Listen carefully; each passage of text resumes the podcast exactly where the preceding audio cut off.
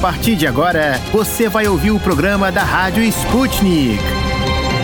Olá, ouvintes. Eu sou a Tayana de Oliveira e ao lado da Melina Saad vou apresentar o programa de hoje da Rádio Sputnik. Vamos nessa, Thay, trazendo agora o que acontece de mais importante nesta quarta-feira, dia 23 de março. Os parlamentares de oposição apresentaram ao Supremo Tribunal Federal notícias crime contra o presidente Jair Bolsonaro e o ministro da Educação, Milton Ribeiro. O ministro é acusado de comandar um esquema irregular de distribuição de verbas públicas a pedido do presidente. As notícias crime são motivadas pela divulgação divulgação de um áudio pela Folha, na qual Milton Ribeiro afirma que repassa verbas para municípios indicados pelos pastores a pedido do chefe do executivo. O deputado Alencar Santana Braga, líder da minoria na Câmara, pediu ao STF para afastar Ribeiro do cargo se as irregularidades forem confirmadas. Os autores do pedido ressaltaram que o Ministério da Educação não pode ser usado como, segundo o texto, instrumento de propaganda ideológica do governo federal, muito menos como um local para troca de favores e agrados aliados do presidente da República. O documento solicita ainda um parecer da Procuradoria-Geral da República sobre o tema. O senador Randolph Rodrigues também enviou uma notícia crime ao STF cobrando a investigação das condutas de Milton Ribeiro, dos pastores citados e do presidente Jair Bolsonaro.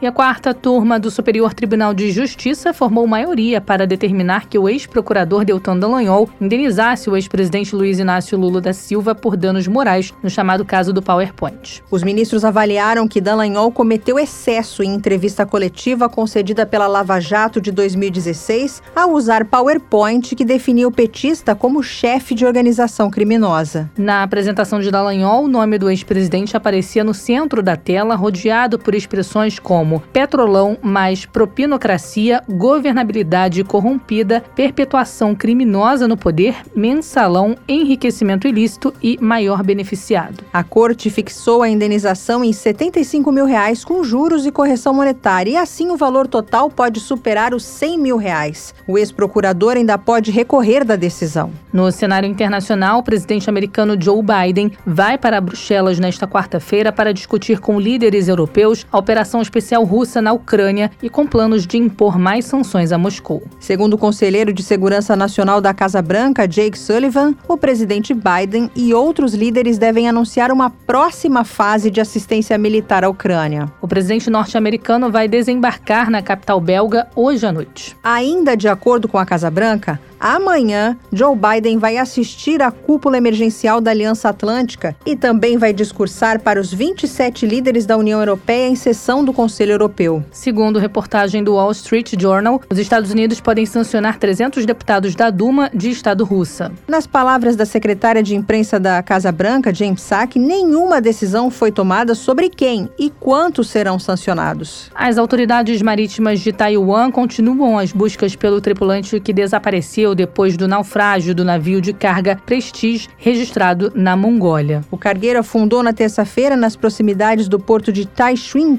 Oito pessoas estavam a bordo no momento do incidente. Cidadãos indonésios foram levados para um local seguro por helicópteros, depois de um cargueiro japonês que passava pela zona ter resgatado cinco deles. Todos estavam conscientes e não ficaram feridos. A operação de resgate continua. As autoridades marítimas de Taiwan recomendaram evitar a zona Depois desse giro de notícias, vamos ver o que preparamos para vocês no programa de hoje. E no programa de hoje.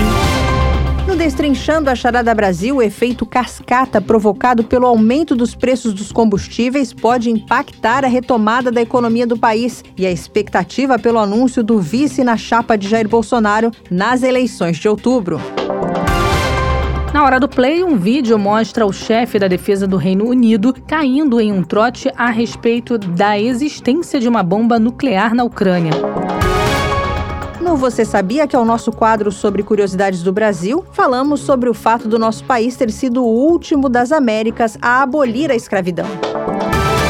O Deu Russo vai contar o que acontece com um bad boy russo exibido ao volante de um carro de luxo. Para ficar por dentro de todas as novidades, tanto mundiais como brasileiras, se inscreva no nosso canal do Telegram. É muito simples. É só você escrever Sputnik Brasil na busca do Telegram e se inscrever para receber as notificações. não se esqueça de ler, curtir e comentar nossas matérias no site br.sputniknews.com. Destrinchando a charada. De dentro e fora do Brasil. Política, economia, sociedade e tudo que engloba o maior país da América Latina. As charadas mais complicadas do Brasil são destrinchadas aqui Olá, ouvintes e Tayana, vamos para mais um Destrinchando a Charada Brasil. Olá, querido ouvinte, olá, Mel, vamos lá. Estou preparada para a gente pensar junto. O assunto que eu vou trazer para a gente não é dos mais agradáveis, mas é necessário, porque ele está afetando o bolso de todo mundo. Quando o assunto é dinheiro, uma luz amarela acende mesmo. A gente fala no aumento do preço dos combustíveis. E se aumenta o combustível, não afeta só quem tem um carro, uma moto, mas acaba gerando um efeito cascata, porque o deslocamento, o transporte dos alimentos fica mais caro a cesta básica fica mais cara. Aí você chegou no ponto que eu queria, Melina. O poder aquisitivo, o poder de compra do brasileiro diminui. Aí é que tá. Quando pega no bolso da gente, ai, ai, ai. E esse deve ser um tema explorado na eleição de outubro, principalmente pelos adversários do presidente Jair Bolsonaro. Afinal, ele vai tentar a reeleição e esse aumento de preços está acontecendo durante o governo dele. Pois é, os especialistas até podem dizer que é culpa de fatores externos, do conflito na Ucrânia, que está deixando o petróleo assim mais caro, mas o que interessa é que aconteceu durante o governo de Bolsonaro e os adversários não vão perder essa chance de usar isso contra o atual presidente. Pois é, Melina, vamos chamar quem entende para explicar para a gente em que pé estão as coisas. Vamos sim, seja muito bem-vindo, Gilberto Braga, ele que é economista da IBMEC, aqui é a Rádio Sputnik. A gente te pergunta: a gasolina tem a ver com o preço da carne, do arroz? Quais os desdobramentos desse aumento? Em termos práticos, qual é o peso desse problema nos planos de retomada econômica? O aumento dos combustíveis ele causa um efeito cascata realmente na medida em que não se trata apenas de aumentar o preço daquilo que vai no tanque dos veículos, mas toda a cadeia produtiva sofre, sofre por conta do frete Portanto, todos os produtos que são de alguma forma transportados, ou seja, o custo logístico aumenta para a sociedade, e também porque os derivados de petróleo, por exemplo, plástico e outros produtos que têm de alguma forma um petróleo com seus derivados na fórmula, na sua composição, ficam mais caros. Então, os insumos e as matérias-primas da indústria acabam que encarece. Esse é um problema grande, é um problema que não tem solução de curto prazo, porque depende de saber quando o conflito entre a Rússia e a Ucrânia vai terminar, uma resposta que não se conhece até este momento. Na prática, o petróleo russo ele está sofrendo o mesmo boicote econômico que os demais produtos da região. Então é como se nós estivéssemos tirando essa oferta russa do cenário internacional na medida em que o Ocidente está deixando de demandar essa quantidade de petróleo e gás. Por isso, a oferta dentro do mercado global, tirando essa produção da Rússia, fica menor, a quantidade de demandantes, ou seja, a procura permanece a mesma e esse efeito o consumidor já conhece. Há formas de lidar com essa nova realidade mantendo a política de preços atual e ainda promovendo uma retomada? A lei da oferta e da procura, você tem, portanto, uma procura constante com uma oferta menor, o preço naturalmente fica mais caro. Todo esse efeito dependerá a sua continuidade de quanto tempo os estoques reguladores, as medidas econômicas para amenizar esses aumentos vão perdurar no mundo. Então, há países como os Estados Unidos que têm estoques de combustíveis guardados e eles começam a liberar esses estoques chamados reguladores para minimizar o impacto do aumento de preços na economia deles. Nos países europeus, vários deles têm fundos já acumulados, como se fosse uma espécie de poupança, que são utilizados neste momento para subsidiar o valor do petróleo. No caso do Brasil, apesar de nós sermos um grande produtor e detentores de grandes reservas é, no pré-sal, a qualidade do nosso petróleo ainda é considerada, em termos de produtividade, inferior. Então, o Brasil não é autossuficiente, o Brasil precisa importar uma boa parte das suas necessidades e isso determina que nós não temos uma política de oscilação, ou seja, no passado, durante alguns anos atrás, até se festejou com as descobertas do pré-sal que nós teríamos essa autossuficiência, chegou até a fazer solenidade, mas apesar da produção ser realmente muito grande, o aproveitamento dessa produção não é igual aos melhores produtores do mundo. Então, o petróleo brasileiro ele é inferior em termos de qualidade e aproveitamento. Então, a produção ela só seria comparável se fosse na mesma qualidade. Então, a gente produz muito mais para render menos.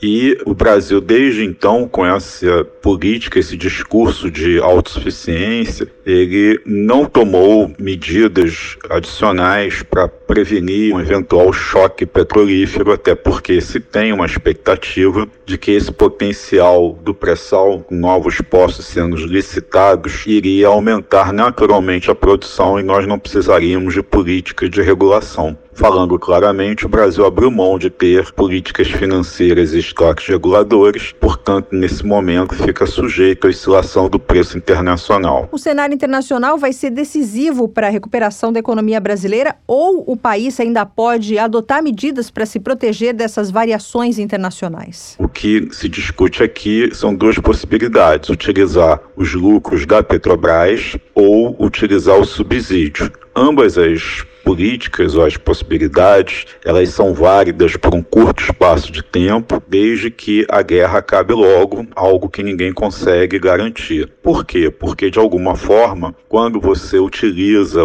os lucros da Petrobras, ela deixa de ter recursos para investir justamente no aumento da produção nos campos que o Brasil pretende desenvolver, descobrir e ter digamos assim, um reforço na sua oferta, na sua produção de petróleo. Então, de alguma maneira, você minimiza o impacto momentâneo, mas isso se volta contra a própria sociedade futuramente. Da mesma forma, a questão do subsídio, né? porque o subsídio seria dado pelo governo, vai gerar déficit público, ou seja, alguém paga a conta e esse alguém é a própria sociedade. Então, daqui a pouco, o dinheiro que vai para esse subsídio vai deixar de ser utilizado na educação na saúde e em outras áreas públicas onde o Estado tem compromissos assumidos constitucionalmente. Esse foi o economista Gilberto Braga que trouxe considerações importantes aqui para a gente no Destrinchando a Charada Brasil sobre o aumento de preços que tem feito muita gente perder o sono. Ah, tem mesmo, porque o cobertor muitas vezes é curto, aí a gente faz um malabarismo, né? Corta de um lado, aperta do outro e é assim a vida do brasileiro. É, Mel, vamos chamar outro especialista para falar com a gente? Vamos sim, é o André Braz, professor economista da Fundação Getúlio Vargas. André, seja bem-vindo e a gente falava aqui sobre o aumento do preço dos combustíveis e como isso reflete nos preços dos produtos da cesta básica. Eu vou chegar no ponto que a gente quer. Essa cascata de aumenta aqui, reflete ali, isso pode prejudicar uma retomada econômica? O aumento dos preços dos combustíveis ameaça a economia desde 2021. Ano passado, os combustíveis responderam por 30% da inflação oficial. E nós sabemos que ele não serve só para abastecer os carros. O Brasil é um país muito dependente de transporte rodoviário. O óleo diesel movimenta, além da nossa frota de rodoviária, as máquinas no campo, então, vários produtos acabam chegando mais caros nos grandes centros urbanos porque o frete ficou mais caro, as máquinas agrícolas aumentam seus custos de produção, o que pode refletir também no agronegócio, no aumento do preço dos itens que a gente colhe no campo. E a passagem de ônibus urbano também, que é o principal meio de transporte no Brasil, também pode ficar mais caro, refletindo esse aumento aí do diesel. Então, o diesel, junto com os energéticos, junto com a energia elétrica em 2021, foram os grandes vilões da inflação. Eu falo energia elétrica porque ela também ajudou a encarecer os custos de produção da grande indústria. Não só aumentou a conta de luz do consumidor, como também de empresas e de prestadores de serviço. Shopping centers, salões de beleza, consultórios médicos, todos dependem da energia e com ela vindo mais cara, o preço dos serviços também sobe de preço. Então, Energéticos divididos em energia elétrica e combustíveis respondem muito pela aceleração da inflação no curto prazo e como os combustíveis, principalmente, tiveram esse novo reajuste agora em 2022, o primeiro em janeiro e um segundo agora em fevereiro de maior impacto, esse espalhamento das pressões inflacionárias iniciado no ano passado toma um novo fôlego. Então, tudo aquilo que já vinha acontecendo a nível de repasse pode se sustentar mais por longo prazo. Então, a passagem de ônibus novamente pode sofrer algum tipo de reajuste, o frete também pode ser prejudicado com isso, pode aumentar seu preço, e isso vai se transmitindo ao longo da cadeia produtiva, encarecendo produtos e serviços que as famílias demandam. Há formas de lidar com essa nova realidade, mantendo a política de preço preços atual e ainda promovendo uma retomada? Todo esse aumento de preços exige da autoridade monetária uma reação, né? Porque a nossa inflação está muito acima da meta pelo menos as previsões para esse ano. No ano passado, a meta de inflação era 3,75 e os preços avançaram em média mais de 10% segundo o IPCA do IBGE. E o mesmo acontece esse ano. As previsões estão indo para casa de 7%, é uma inflação mais baixa do que o ano passado, mas também é uma inflação muito distante da meta. A meta para esse ano é de 3,5 e as expectativas estão aí com uma inflação que corresponde ao dobro da estabelecida pela meta de inflação. Então,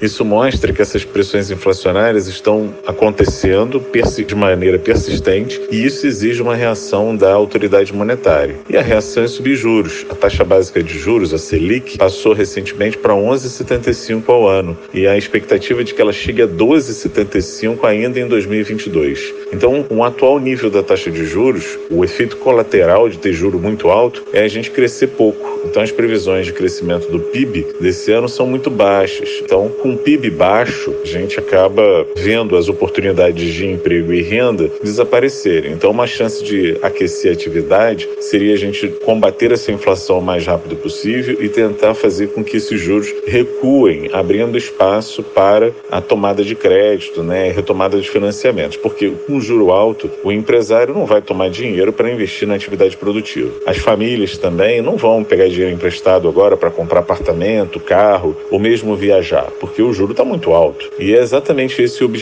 O juro alto ele desestimula a demanda e ao desestimular a demanda ele abre espaço para o recuo da inflação. Mas o efeito colateral é crescer pouco, gerar menos emprego e renda para a população e isso não é o desejável no longo prazo. O cenário internacional vai ser decisivo para a recuperação da economia brasileira ou tem como o Brasil adotar outras medidas para se proteger dessas variações internacionais? internacionais? A economia hoje é globalizada, então esse conflito afeta principalmente a oferta de petróleo, o que já mexe com os preços da cotação do petróleo e que já causou reajuste em vários países. O Brasil não foi o único que teve que aumentar seus combustíveis. E o problema não fica restrito ao combustível. Grãos também ficam prejudicados. A gente percebeu que o trigo, que é uma commodity que a Ucrânia e a Rússia, enfim, exportam muito, dados embargos e sanções promovidas contra a Rússia, o mercado de trigo se reduziu bastante, quer dizer, tem menos trigo no mercado e o preço do trigo e de seus derivados já disparou. O trigo, em pouco menos de uma semana, subiu quase que 50%.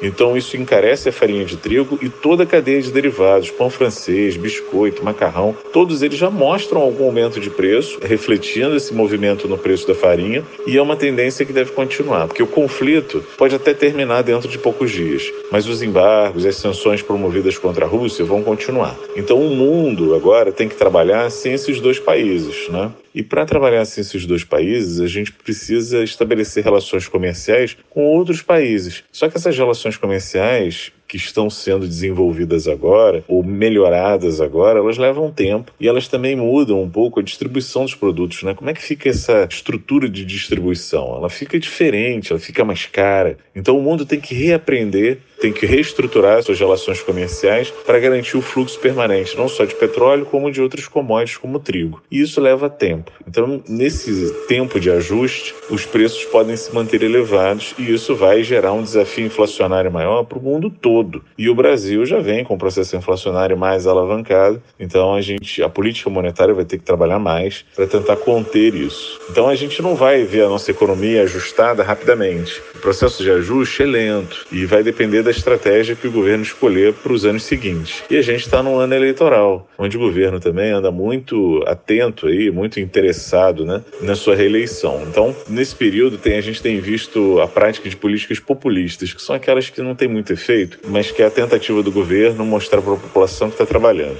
Então, você tem cortes de impostos, concessão de 13 terceiro antecipado para idoso, saque no fundo de garantia, uma série de coisas que são um pouco desafiadoras para a política monetária. Entenda que a política fiscal, que é do governo, e a monetária, que é a da autoridade monetária, do Banco Central, né, elas precisam estar alinhadas. Então, se o governo de um lado gasta e o Banco Central do outro está dizendo para não gastar, porque isso gera mais inflação, eles não estão alinhados. Então, está claro que o objetivo da política fiscal hoje é garantir sua reeleição. Né? Então, o governo tem usado a política fiscal para fazer propaganda política, concedendo benefícios à população, que não fica claro de onde o governo está tirando tais recursos para que esses auxílios cheguem à população. Então, quando você corta o imposto, você tem que prever de onde vem o dinheiro referente ao corte daquele imposto. De onde eu vou tirar recurso, dado que eu vou deixar de arrecadar? E medidas como essa estão sendo divulgadas a todo momento. Né? Semana passada foi o IPI, de bens duráveis. Essa semana agora foi corte de impostos de importação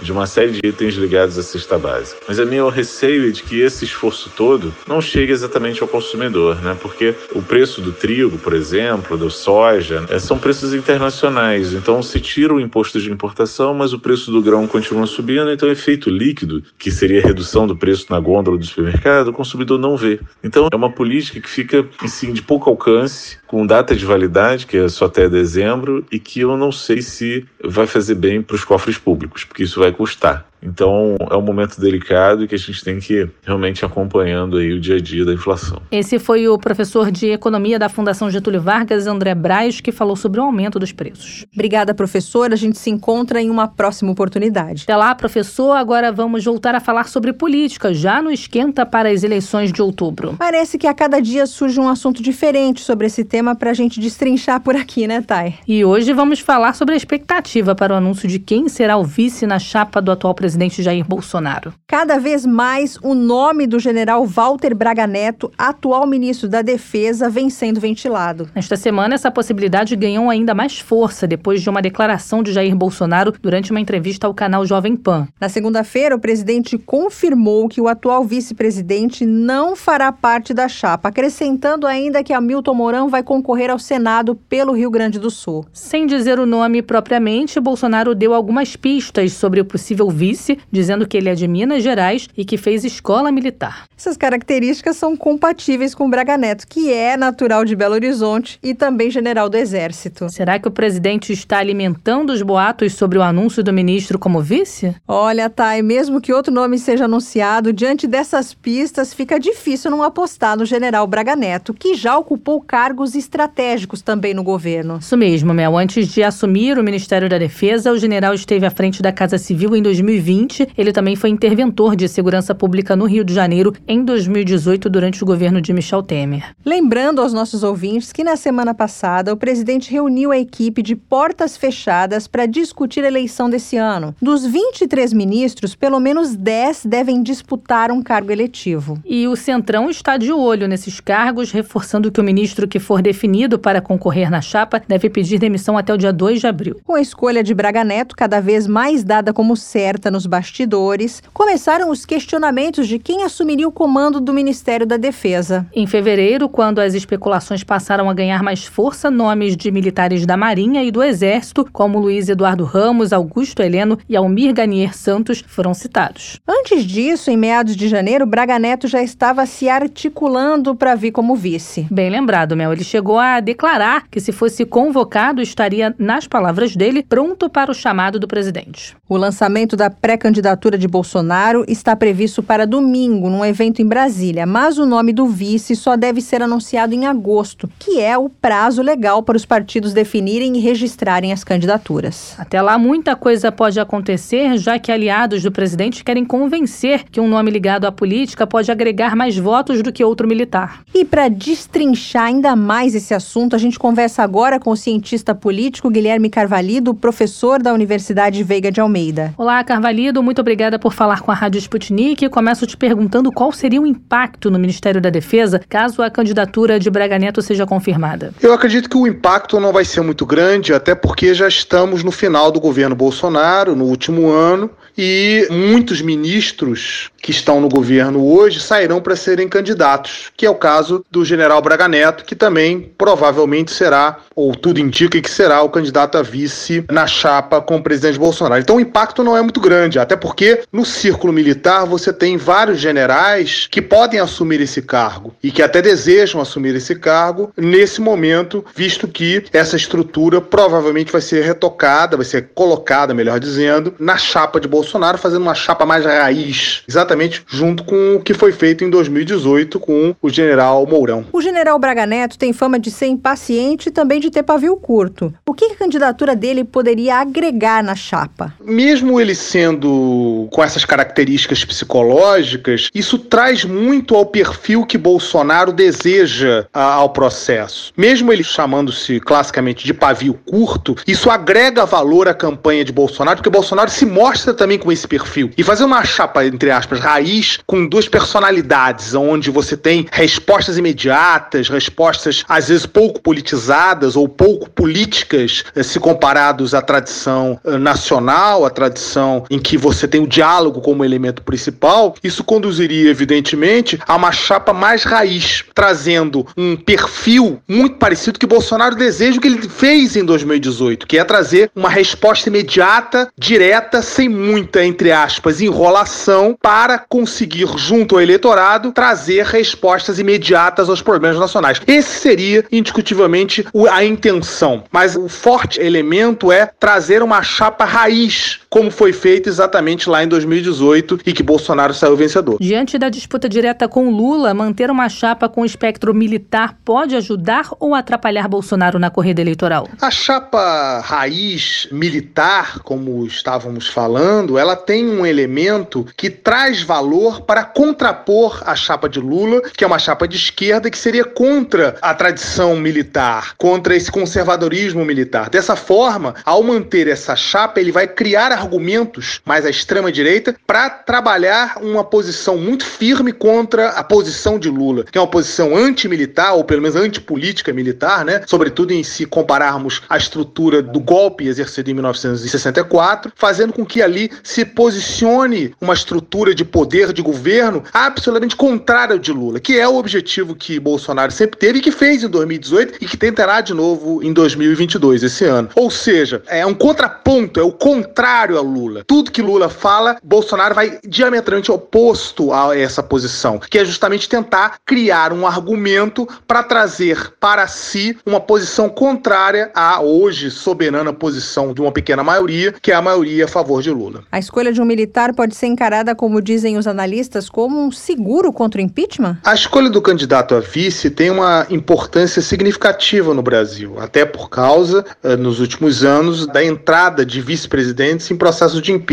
Mas não só isso, acho que o principal aspecto é a composição de chapa para formar uma base para convencer o eleitorado de que ali tem uma estrutura política consolidada ou com uma posição específica. Desta forma, eu vejo ali todo um movimento diretamente colocado para ter uma estrutura aonde se componha o retorno de um Brasil que a posição do presidente Bolsonaro é muito clara, de que o Brasil era mais feliz durante a ditadura militar, que ali havia um país mais organizado, mais ordeiro, com mais crescimento econômico e não o contrário de uma posição em que o ex-presidente Lula contrapõe a essa questão. Ou seja, é trazer ali uma chapa para fortalecer um histórico que o presidente Bolsonaro defende piamente, sempre defendeu, nunca escondeu esse processo, para trazer. Então a escolha desse candidato militar, um general, como foi feito em 2018, tem essa intenção. Agora, ele deixa de lado a composição política partidária fundamental para a composição de um governo governo, que é fundamental hoje para uma relação positiva de governabilidade com o Congresso Nacional. E nesse sentido, o presidente Bolsonaro não consegue fazer muito bem. Ele prefere fazer um fechamento junto com grupos políticos e não com partidos e composições. Nesse sentido, talvez ele tenha dificuldades, como teve durante seu governo, né, o governo atual. Mas ele prefere essa composição, que é uma escolha, e é uma escolha que pode dar certo, como deu em 2018. Mas hoje o quadro é diferente de 2018. Como o Centrão encararia isso? Pode ter impacto negativo na base do governo? É, o Centrão busca formar com Bolsonaro uma base partidária mais tradicional, mas Bolsonaro não tem essa característica partidária. Ele tem uma característica de formação de blocos ideológicos e ele prefere fazer a política durante o mandato e não fazer essa negociação. No meu entender, isso dificulta as negociações com o Congresso Nacional, torna a governabilidade no padrão nacional complicada. Porém, é uma maneira de se fazer política, mas se nós pegarmos todo o histórico nacional, torna o processo mais complicado. Mas é o modus operandi do presidente Bolsonaro. Ele prefere fazer disso, mas no meu entender, dificulta uma relação com os partidos políticos, mesmo com partidos que estão sempre interessados com a vinculação com o poder, como é o caso dos partidos do Centrão. Mas, como ele já tem uma relação com o Centrão consolidada e caso ele vença a eleição, não vejo dificuldade de se refazer essa posição com o Centrão. Mas é sempre uma negociação complicada. Mas o resultado eleitoral ele é chave para fazer esse movimento, para fazer essa relação. Agora, seria mais interessante para os partidos que essa composição fosse feita anteriormente, porque facilita os acordos políticos. O que difere o general Braga Neto do general Hamilton Mourão?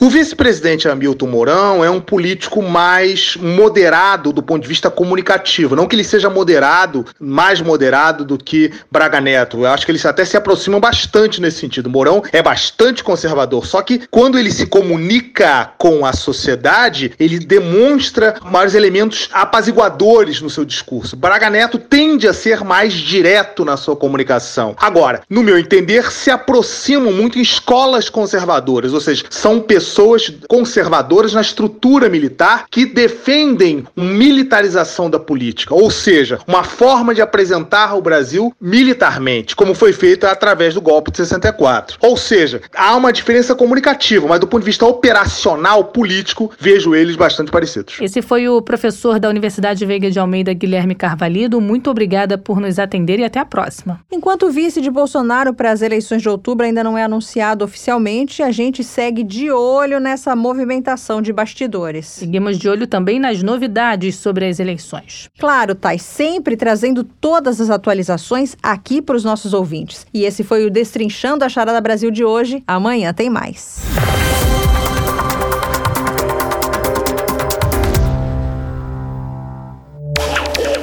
Tem alguma dúvida ou comentário sobre a Rádio Sputnik? Você pode entrar em contato com a gente através do e-mail radio.br@sputniknews.com. Não se esqueça de ler, curtir e comentar nossas matérias no site br.sputniknews.com. Hora do Play. Curtidas e mais curtidas da Rússia ao Brasil. Confira com a gente os vídeos da Sputnik Brasil que estão bombando na internet. E fique por dentro do que está sendo filmado por amadores e profissionais pelo mundo. Agora, um dos momentos mais esperados, a gente fica sabendo quais são os vídeos mais vistos nesta quarta-feira. Eu convido meu amigo Tito da Silva para falar com a gente lá da Sputnik em Moscou. O que, é que você manda, Tito? Olá, amigos da Rádio Sputnik. Está começando a Hora do Play. E para quem não sabe ainda, os vídeos da Hora do Play você encontra na plataforma Odyssey. Para assistir aos vídeos, basta você digitar no seu navegador Sputnik Brasil Odyssey. Não sabe escrever Odyssey? Eu soletro para vocês. O-D-Y-S-E-E. E no primeiro vídeo da lista desta quarta-feira, 23 de março, a vice-premier da Ucrânia, Irina Vereshchuk, fez uma postagem no Facebook de indignação de seu governo com a Hungria. Irina afirmou que o país vizinho não faz parte do mundo civilizado por não apoiar Kiev da forma que o governo ucraniano espera no conflito com a Rússia. Além disso, ela disse que o posicionamento da Hungria, que busca neutralidade em relação ao conflito, é praticamente pró-Rússia. Na postagem, com acusações, ela inclusive perguntou se a Hungria planeja pegar parte do território ucraniano. O vídeo você acha digitando na Odyssey. Ucrânia indignada. Hungria talvez queira nosso território. E no segundo vídeo de hoje, um S-300 ucraniano foi filmado por um drone russo tentando se esconder em uma instalação fabril ao norte de Kiev no calor do conflito na Ucrânia. Contudo, após determinar a exata posição do equipamento antiaéreo, o exército russo realizou um bombardeio contra o material bélico ucraniano e o destruiu. O vídeo da ação você encontra digitando na Odyssey. S-300 ucraniano tenta se esconder em fábrica e acaba destruído por bombardeio russo. E no terceiro vídeo de hoje, os autores de um trote contra o chefe da defesa britânico, o secretário Robert Ben Wallace, publicaram na internet partes do vídeo em que um deles se passou pelo primeiro-ministro da Ucrânia para falar com Wallace. Na conversa, o impostor disse que a Ucrânia planeja desenvolver armas nucleares contra a Rússia. E, meio que assustado, o britânico disse que ainda deveria tratar do assunto com seu chefe, o premier Boris Johnson, mas afirmou que o Reino Unido apoia a Ucrânia. Para ver o vídeo do trote, digite: Vídeo mostra chefe da defesa do Reino Unido caindo em trote de bomba nuclear da Ucrânia. E no quarto vídeo de hoje, um grupo de jamaicanos proeminentes exigiu indenização do governo britânico pela escravidão de africanos em seu território durante sua história. Enquanto é discutida a instalação de uma república na Jamaica, os cidadãos referidos estariam insatisfeitos com a viagem do casal real, o príncipe William e sua esposa Kate, ao país do Caribe. O vídeo você encontra digitando jamaicanos exigem indenização por escravidão e rejeitam visita de casal real do Reino Unido. E por hoje é tudo, pessoal. Até mais. Gente, não dá. Que brincadeira mais sem graça. Um trote falando de bomba em um tempo em que a gente vive uma grande tensão na região. E eu que achava que com a internet, as novas tecnologias, os trotes estavam ultrapassados. Ainda tem gente, e o pior, adultos se dispondo a perder tempo com isso. Lamentável e, como você mesma disse, uma brincadeira de mau gosto. Mas vamos falar de coisa boa. Amanhã tem mais a hora do play. Até amanhã, Tito.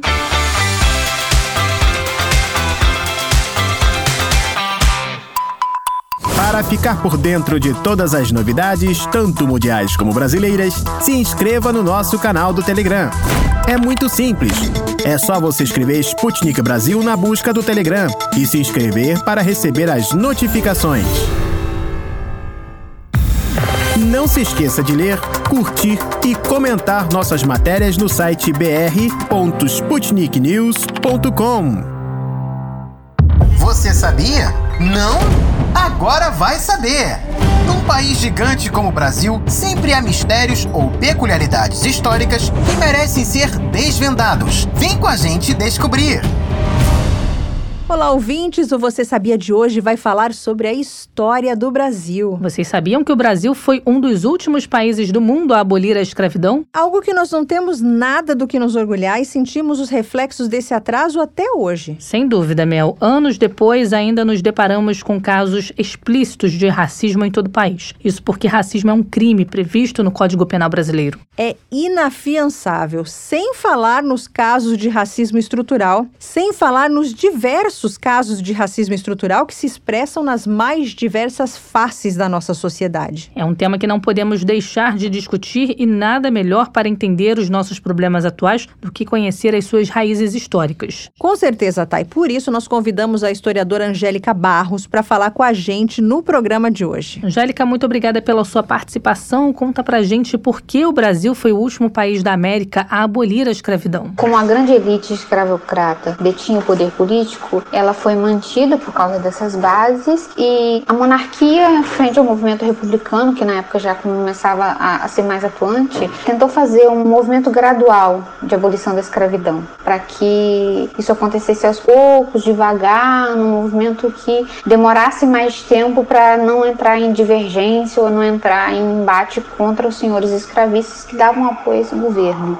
E por isso a gente teve ao longo do processo de luta da abolição, né, de pressão pelo Brasil ser o último país escravocrata na América, a gente teve leis como a lei dos sexagenários, a lei do ventre livre, que davam a liberdade a uma parte dessa população, muitas das vezes uma população que se mantinha escrava mesmo depois de liberta. Né? Então, essa manutenção da escravidão, ela foi uma tentativa de fazer uma mudança gradual. Lembrando que na América, o Brasil e os Estados Unidos eram os únicos países que dependiam né, diretamente da escravidão para manutenção da sua agricultura, do seu poder político. Nos Estados Unidos, isso foi feito de maneira revolucionária, né? A fim da escravidão foi revolucionária. No Brasil, tentou-se fazer um movimento gradual. As consequências foram ruins para os dois lados. O Brasil foi o último país a abolir a escravidão porque na época o Brasil ainda era uma monarquia cuja sobrevivência e a estabilidade do governo dependia muito do apoio da grande elite e cuja maioria era de senhores de escravos. Então, a manutenção da escravidão garantia também uma manutenção da própria monarquia, e isso fez com que o Brasil permanecesse escravista mesmo após a independência, que por sinal foi feita de uma maneira não revolucionária, né, como os outros países da América quase um século antes. Nós sabemos que houve na época uma pressão externa pela abolição da escravatura. Ela foi determinante para a abolição? Aliás, por que houve essa pressão externa? Sim, havia uma pressão externa pela abolição da escravatura, né? Já havia desde o início do século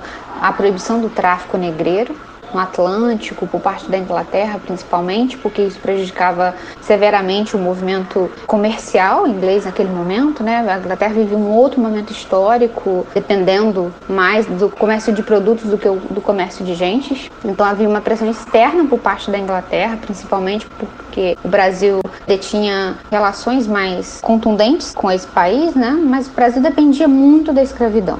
Então, essa pressão externa, ela havia porque o Brasil era visto como um grande setor que poderia receber os produtos ingleses, né? Um grande setor que poderia, um grande país ou uma grande localização que poderia fazer com que o comércio inglês crescesse ainda mais. Então, a pressão maior vinha da Inglaterra. A gente tinha pressão interna também que vinha do movimento pelo fim da escravidão, né? O movimento abolicionista continuou a crescer desde a abolição do tráfico negreiro, de 45 até 1888, esse movimento foi crescente dentro do país e você começou a ter uma série de pessoas que faziam parte da política que agregavam esse movimento abolicionista. Qual foi o papel das pessoas escravizadas na conquista da liberdade do povo negro? Bom, quando a gente fala do papel das pessoas escravizadas nessa conquista da liberdade, a gente fala quase que exclusivamente do movimento abolicionista. O movimento abolicionista surge a partir de pessoas que já tinham sido escravizadas e foram libertas, outras que nasceram já é, libertos, mas muitos desses componentes do movimento abolicionista eram pessoas que a conquistaram a alforria, né? Eram chamados forros daquela época,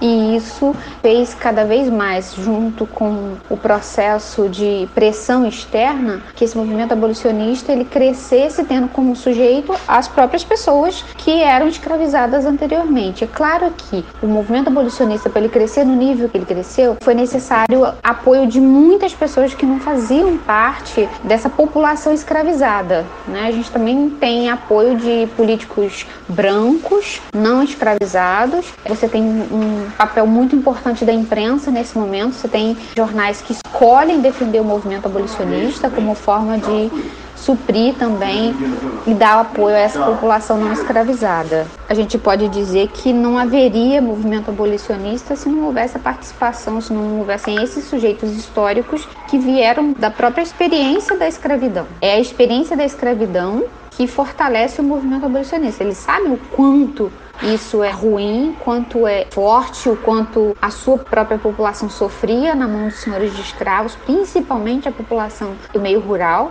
que era explorada de forma é, intensa e com uma qualidade de vida muito ruim.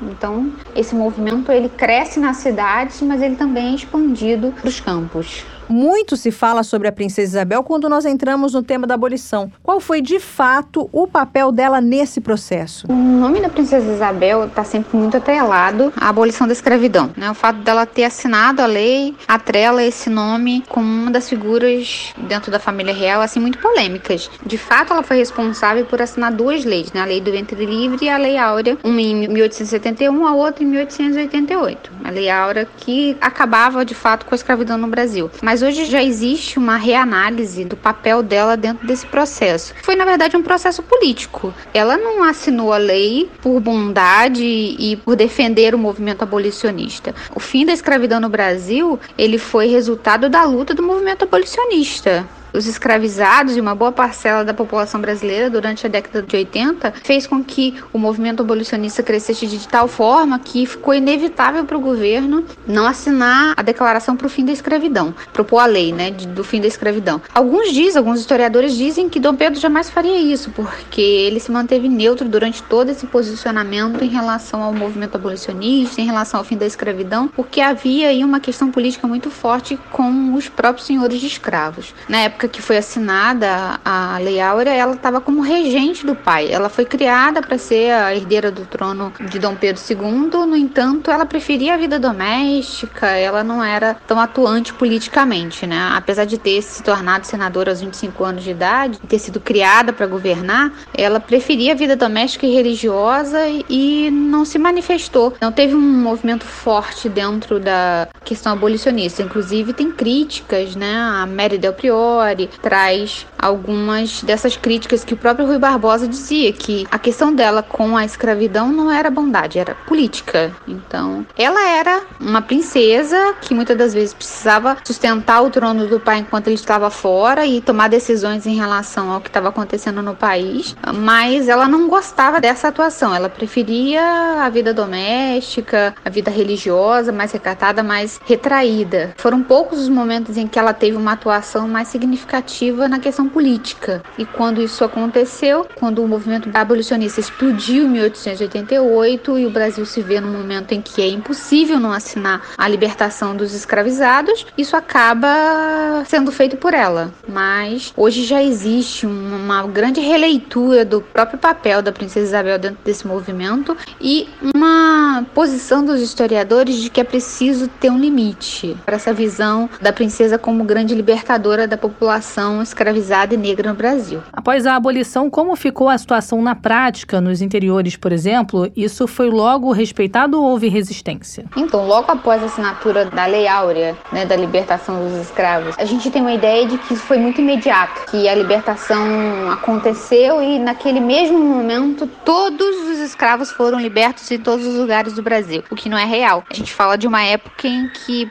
a comunicação era muito mais lenta, então o jornal publicou a lei. Isso foi sendo repassado para os outros estados e para os outros lugares. Há o estudo, né, de lugares que não aceitaram a lei a princípio, que foram obrigados mais tarde a cumprir o que havia sido assinado pela princesa, mas isso não foi um movimento imediato, né? Ele foi gradual e ele foi muito sofrido para a população negra no Brasil, porque a libertação significava você adquirir uma liberdade no momento em que o país passava por um movimento revolucionário, né, que pressionava essa libertação. No entanto, esse liberto ele faz o que depois que ele ganha a liberdade? Então foi um movimento muito sofrido, porque muitos optaram por se manter dentro das fazendas, porque era o local de nascimento, muitas das vezes, era o local de segurança deles. Passaram a trabalhar para esses próprios senhores um, com um salário baixíssimo, né? Muitas das vezes insignificante, o que se mantinha a condição de escravizado. No interior do Brasil, isso demorou muito a chegar,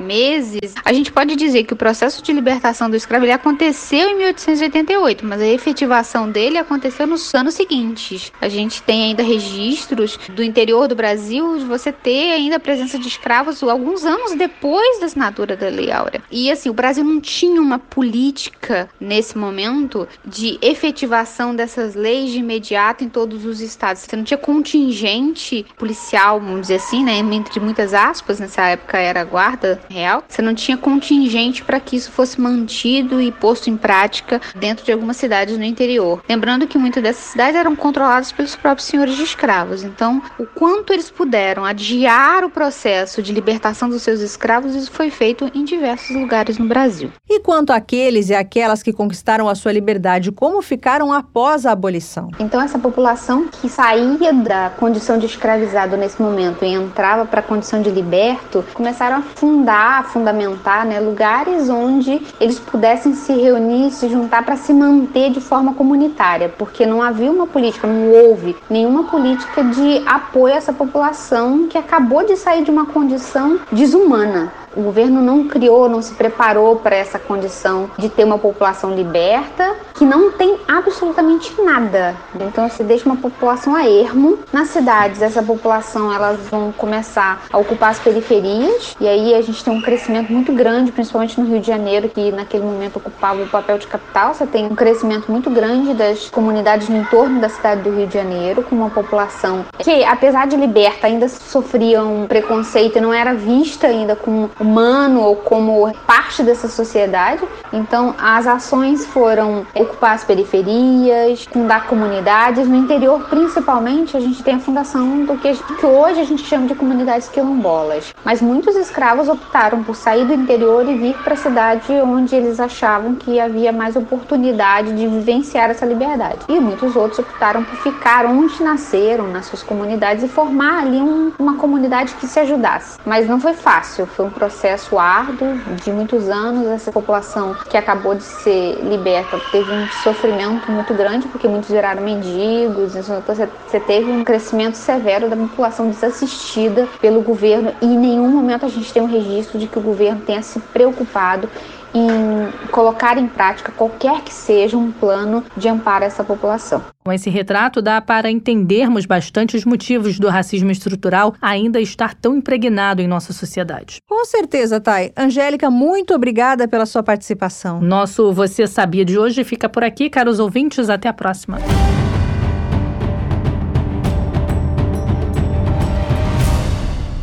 Olá, ouvintes! No Você Sabia de hoje vamos falar sobre mais uma curiosidade da história do Brasil. Você conhece a cidade de São Vicente, Thay? Sinceramente não, Mel. Eu nunca fui até São Vicente. Onde fica? Fica em São Paulo e tem uma super importância histórica. São Vicente é considerada a primeira cidade do Brasil. E é pouco mencionada nas escolas, né, Mel? Sim, muito se fala sobre as grandes capitais, Salvador e Rio de Janeiro, durante o nosso período colonial, mas pouco se comenta sobre São Vicente Vicente mesmo. E para conhecer um pouco mais sobre a cidade de São Vicente, vamos conversar agora com o historiador Milton Teixeira. Milton, muito obrigada pela sua participação e para começar, conta pra gente por que São Vicente é considerada a primeira cidade do Brasil. Bom, é, realmente ela foi o primeiro grupamento.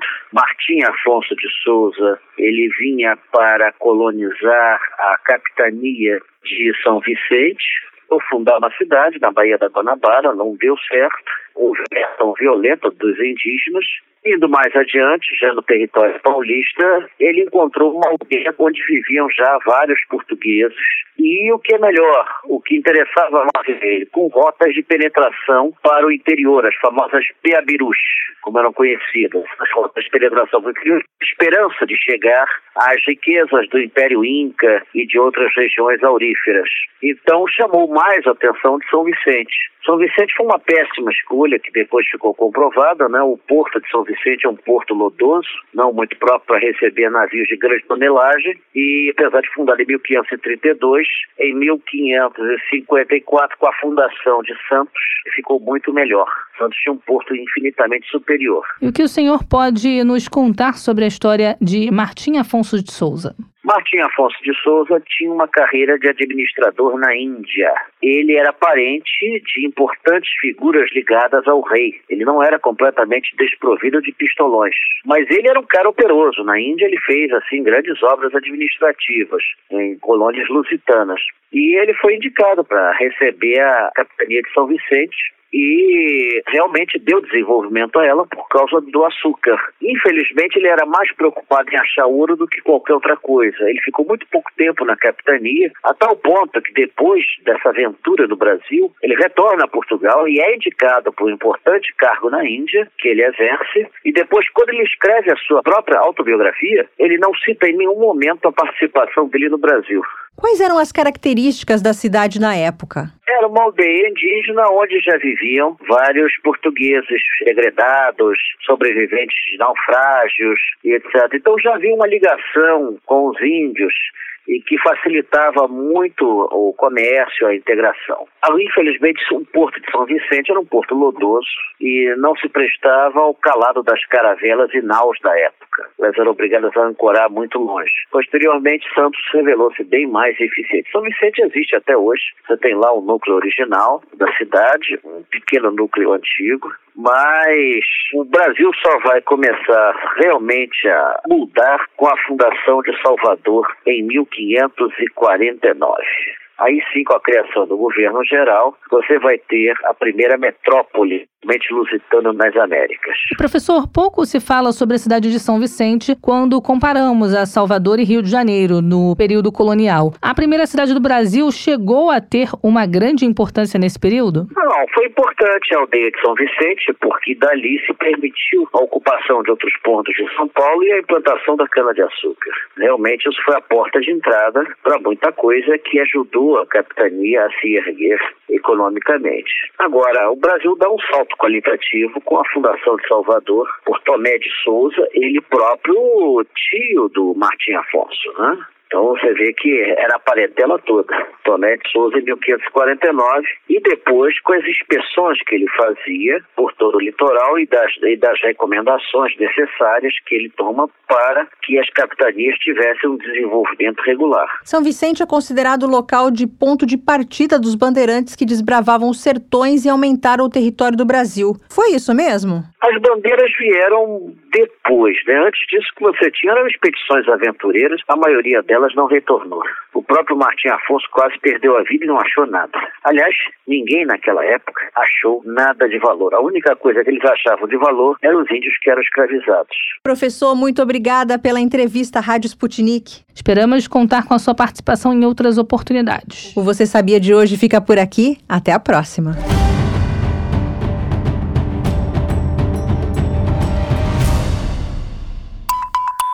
Para ficar por dentro de todas as novidades, tanto mundiais como brasileiras, se inscreva no nosso canal do Telegram.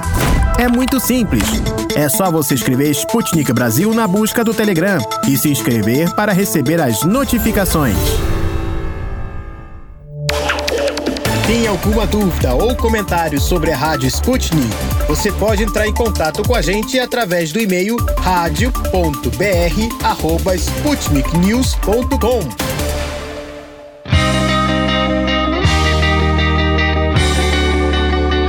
Deu Russo.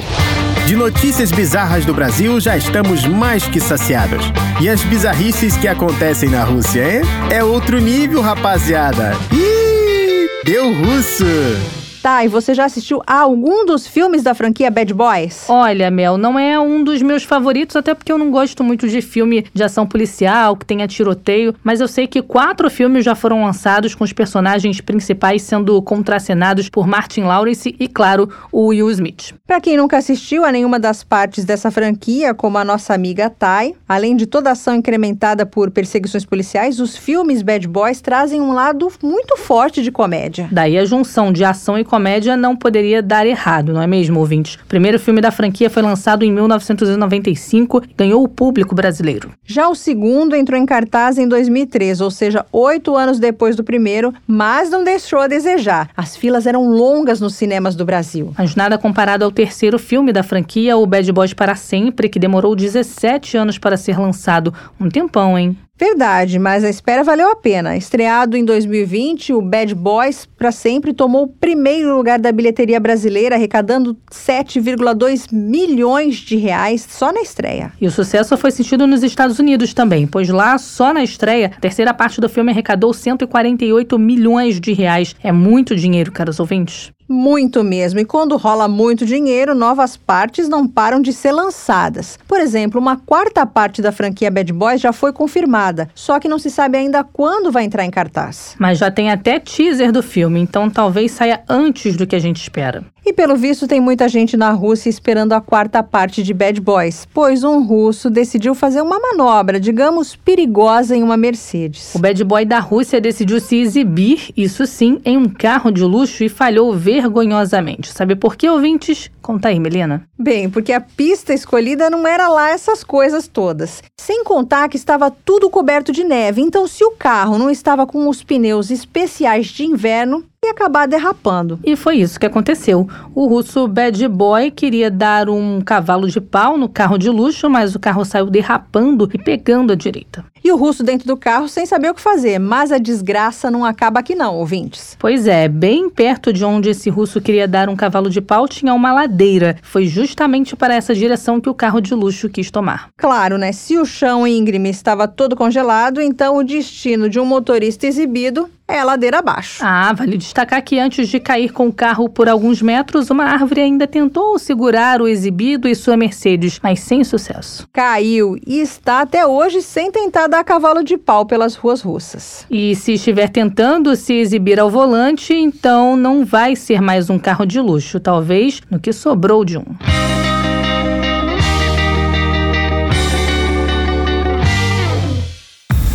Não se esqueça de ler, curtir e comentar nossas matérias no site br.sputniknews.com. Hora de dar tchau.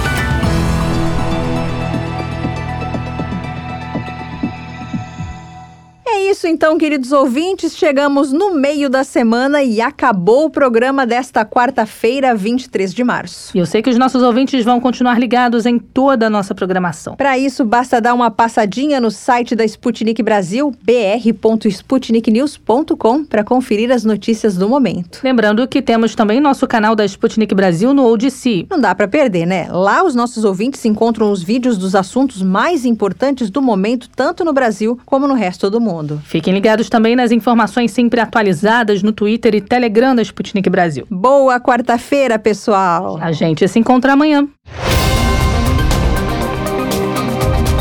Você acabou de ouvir mais um programa da Rádio Sputnik.